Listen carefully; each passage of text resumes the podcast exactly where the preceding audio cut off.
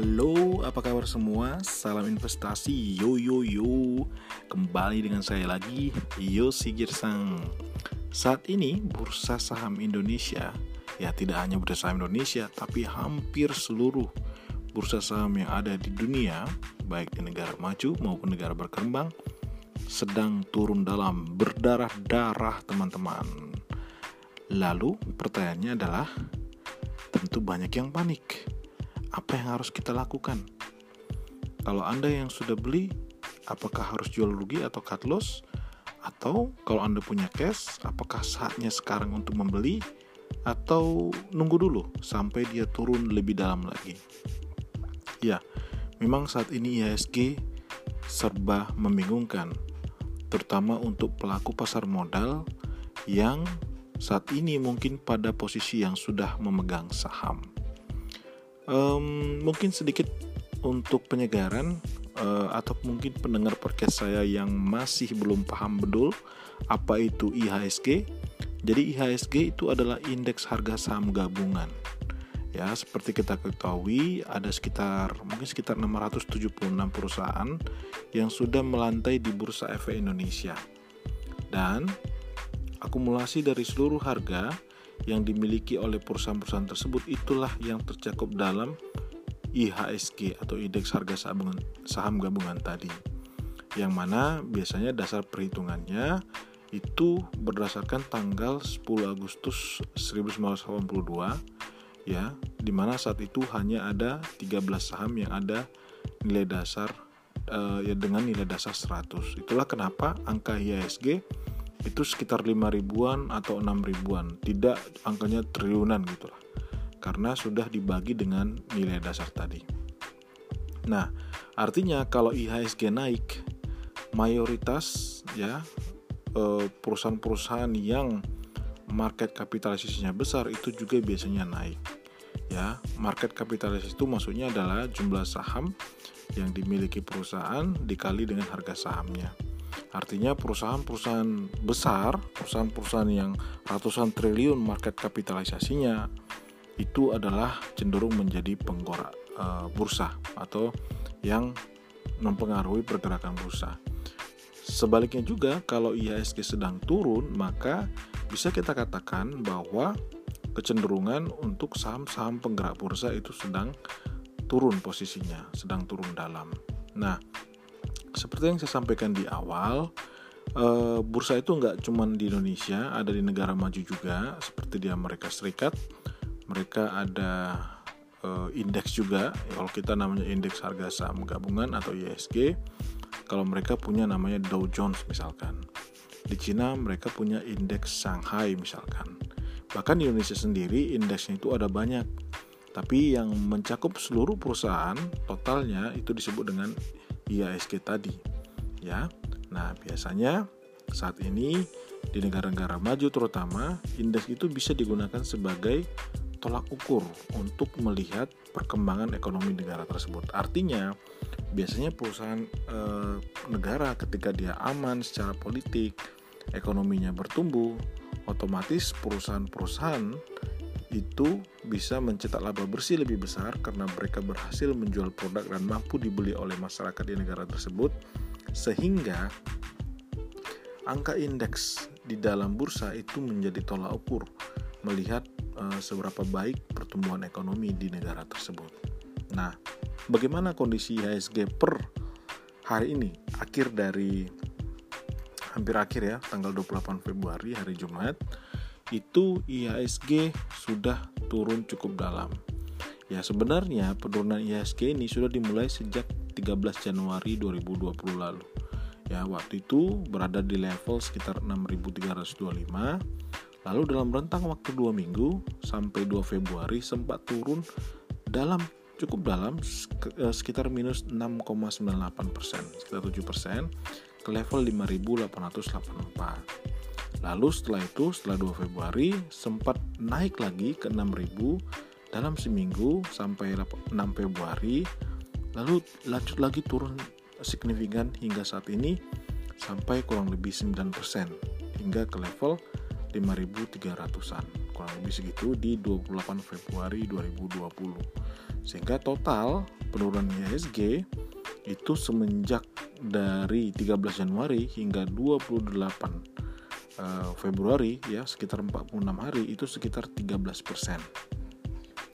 Nah, tentu uh, ini juga sama terjadi di uh, bursa asing. Kenapa? Karena bisa kata-katakan investor asing masih banyak di Indonesia, terutama transaksi di bursa efek Indonesia itu masih hampir 38 sampai 40% itu adalah transaksi oleh para investor asing. Nilainya kurang lebih sampai mencapai 255 eh, oh sorry 97,5 triliun dari 225 triliun uh, yang ditransaksikan dari awal Januari 2020. Nah, tentu karena itulah makanya biasanya kalau terjadi penurunan di Dow Jones di Amerika Serikat, seperti kita ketahui Amerika Serikat itu adalah uh, pusat keuangan seluruh dunia karena mereka negara yang nomor satu paling maju, sehingga duit itu atau dana dari Amerika Serikat itu tersebar ke banyak negara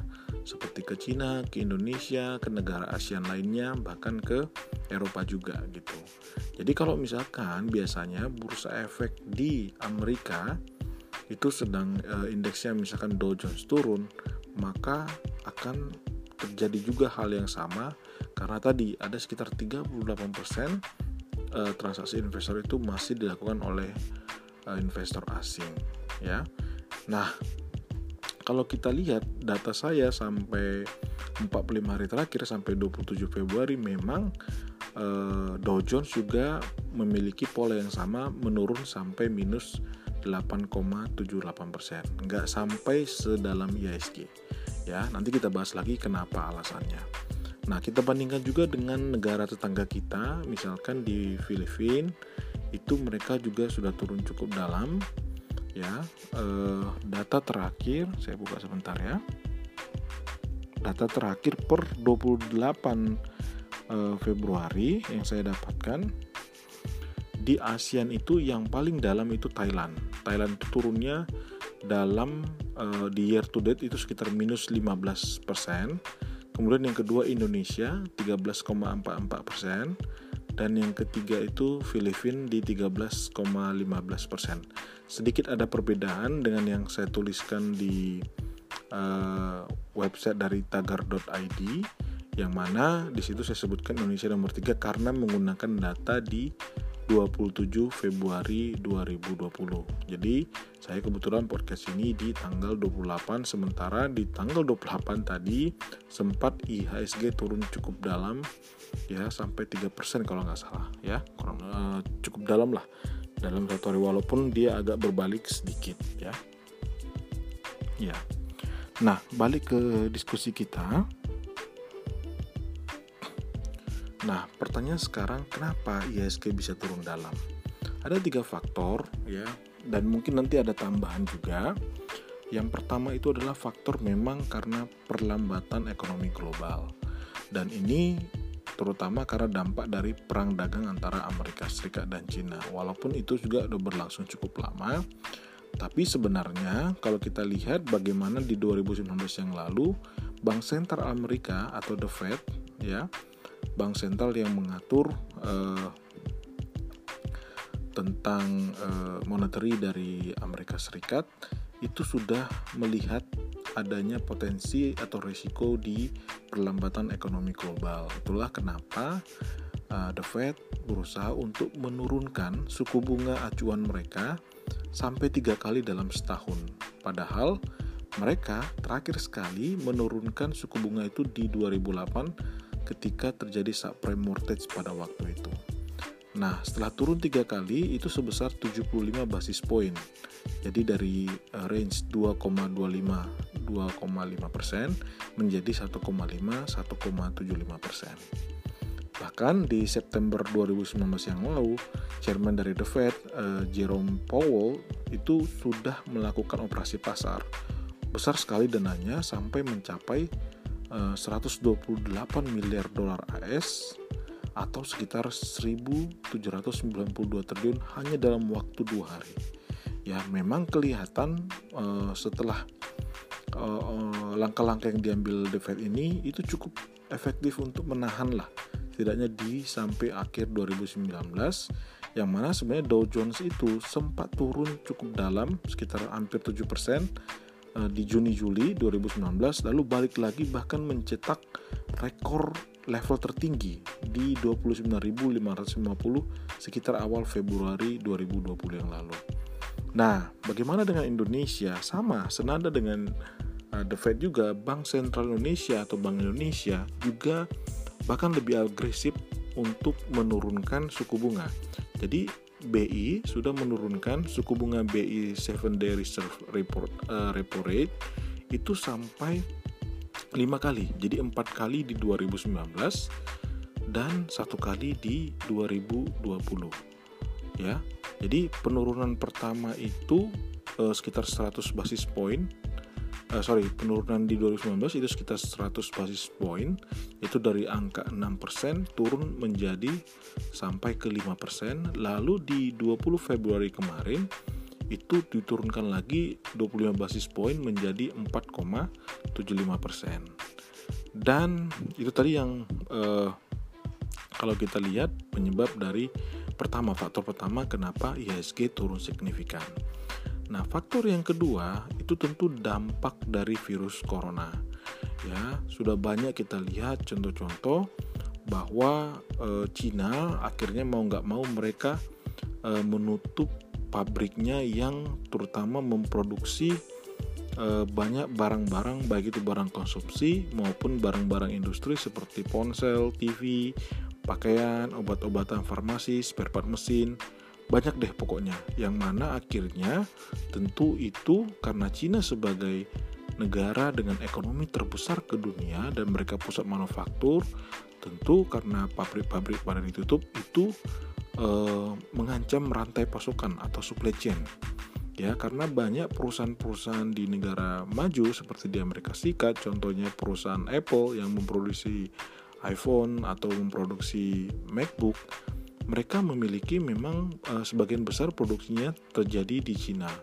Jadi kalau misalkan uh, pabriknya tutup karena untuk menghindari uh, epidemi atau menghindari penyebaran uh, corona atau COVID-19 lebih besar lagi, maka tentu terjadi uh, pemberhentian di supply atau pasokan dari barang-barang tersebut ya bahkan di Cina sendiri itu uh, uh, penjual retail seperti Starbucks dan McD itu mereka harus terpaksa menutup gerai mereka. Impactnya pasti apa?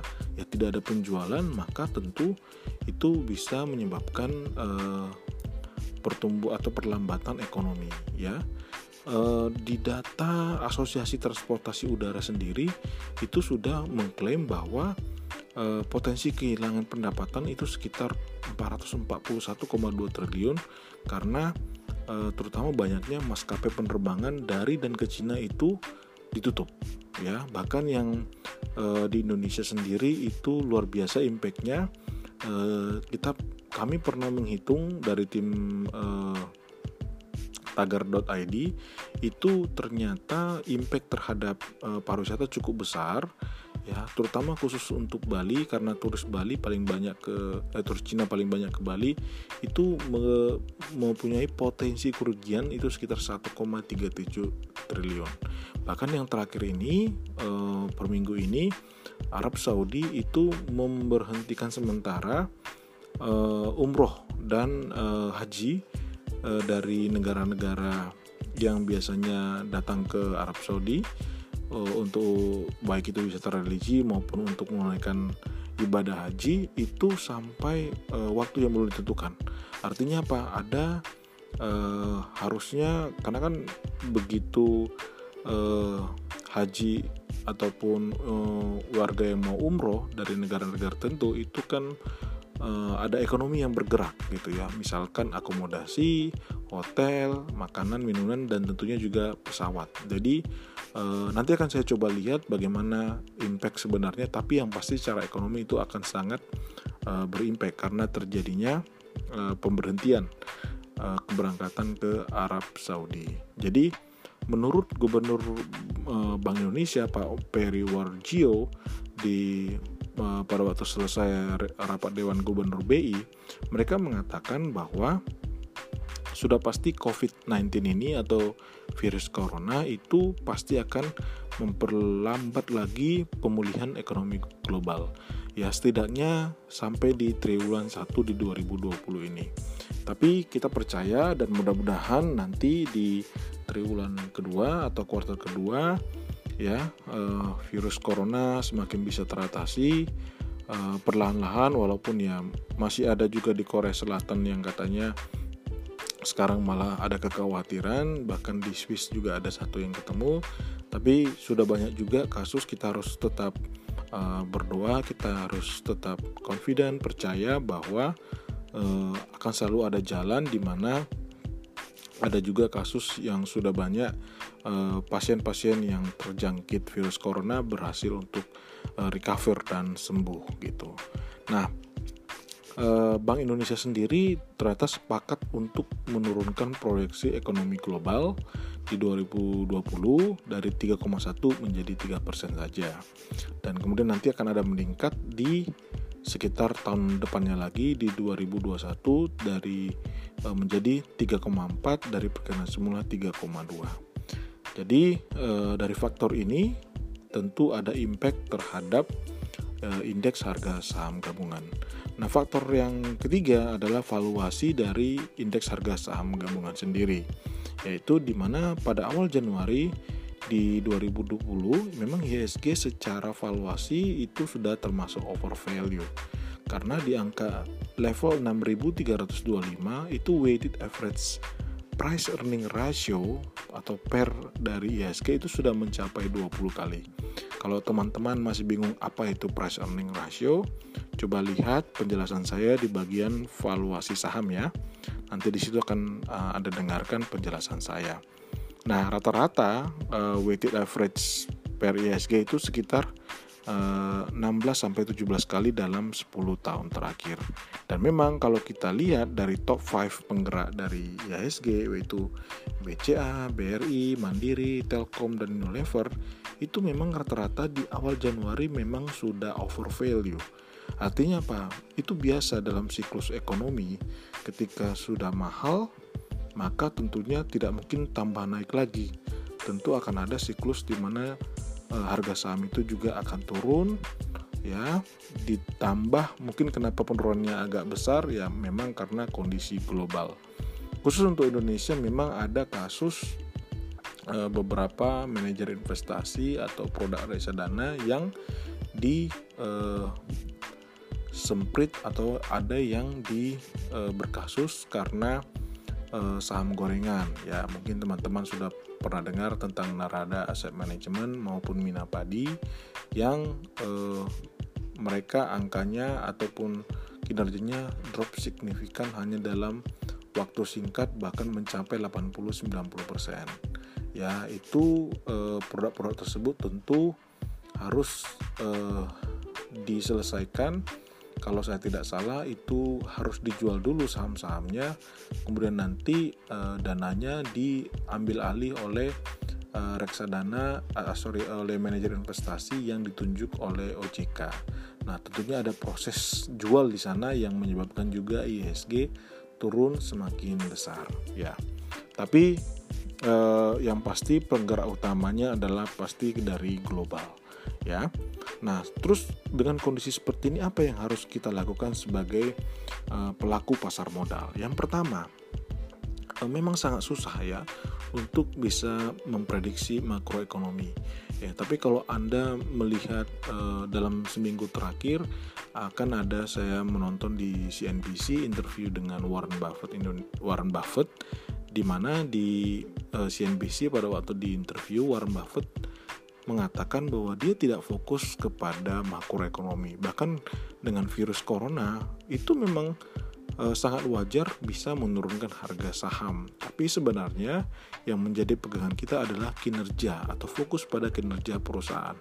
Artinya, teman-teman, kalau sudah melakukan analisa ketika Anda menemukan perusahaannya sehat dan pada waktu Anda beli Anda sudah tahu bahwa valuasinya diskon atau murah, maka jangan khawatir karena walaupun itu turun, percayalah pada waktu nanti masa recovery ya dan pasti akan recovery dan biasanya perusahaan yang sehat itu akan recovery-nya lebih cepat daripada perusahaan yang tidak sehat atau berkinerja bermasalah.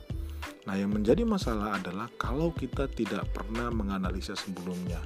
Nah, di situ akan menjadi permasalahan. Karena apa? Karena artinya Anda sedang berspekulasi dan itu saya tidak menyarankan. Kalau Anda yang berspekulasi tanpa tahu kinerja perusahaan hanya untuk hit and run, saya sarankan Anda fokus ke trading plan Anda. Saya kurang paham masalah trading, jadi saya tidak akan membahas terlalu dalam tentang ini. Nah, yang kedua adalah kalau Anda saat ini mungkin sedang dapat rezeki, ada bonus atau punya cash yang masih cukup, saran saya perlahan-lahan membelinya. Jadi bertahap, walaupun mungkin sudah masuk di area atau zona diskon atau murah, Anda mungkin contohnya misalkan Anda punya dana katakanlah 20 juta ya, Anda bisa masuk bertahap, Anda bagi misalkan ke empat kali masuk. Jadi setiap kali beli 5 juta, nanti dia turun 3 sampai 5% beli lagi, turun lagi 3 sampai 5% beli lagi sampai habis di 20 juta.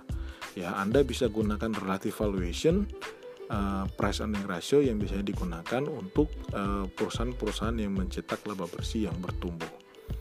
Nah, sekarang bagaimana dengan uh, kalaupun ISG turun itu bagaimana Pak gitu ya? Ya kalau ISG turun lebih dalam lagi kita tidak bisa me, uh, menahan itu ya. Kita tidak bisa menahan itu dalam arti apa? Kalau memang uh, Anda sudah beli murah, sudah jangan dilihat-lihat akan bikin stres, tunggu saja, percayalah kasus ini ataupun kondisi ini berulang, punya siklus. Seperti tahun 2008 juga seperti itu ketika banyak yang turun, dan EDN juga naiknya cepat sekali. Ya terutama untuk perusahaan dengan kinerja yang uh, bagus dalam 1-2 tahun itu bahkan lebih tinggi daripada uh, puncak terakhir sebelum turun dalam ya. Lalu bagaimana dengan yang reksadana saham ataupun reksadana campuran yang berhubungan dengan IHSG saran saya ya saran saya kalau sudah turun uh, di bawah 5400 anda bisa bertahap juga mulai membeli unit reksadana yang bagus. Ya, hati-hati jangan salah beli ya. Sebaiknya pastikan reksadana yang Anda beli itu punya kinerja atau return yang bagus minimal 3 tahun terakhir. Ya, Anda bisa cek, pastikan dulu uh, kalau memang returnnya bagus dalam tiga tahun terakhir baru Anda beli. Ya, mudah-mudahan kasus-kasus seperti Narada Asset Management maupun Minapadi itu tidak terjadi lagi. Itu dulu uh, tips dari saya untuk teman-teman, jangan panik, perlahan-lahan jadikan ini pelajaran. Kalau memang Anda uh, merasa bahwa uh,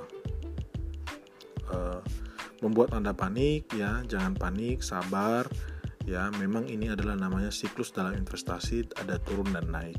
Yang penting kita tahu apa yang kita lakukan, maka sudah kita harus tenang. Terima kasih sudah mendengarkan podcast saya.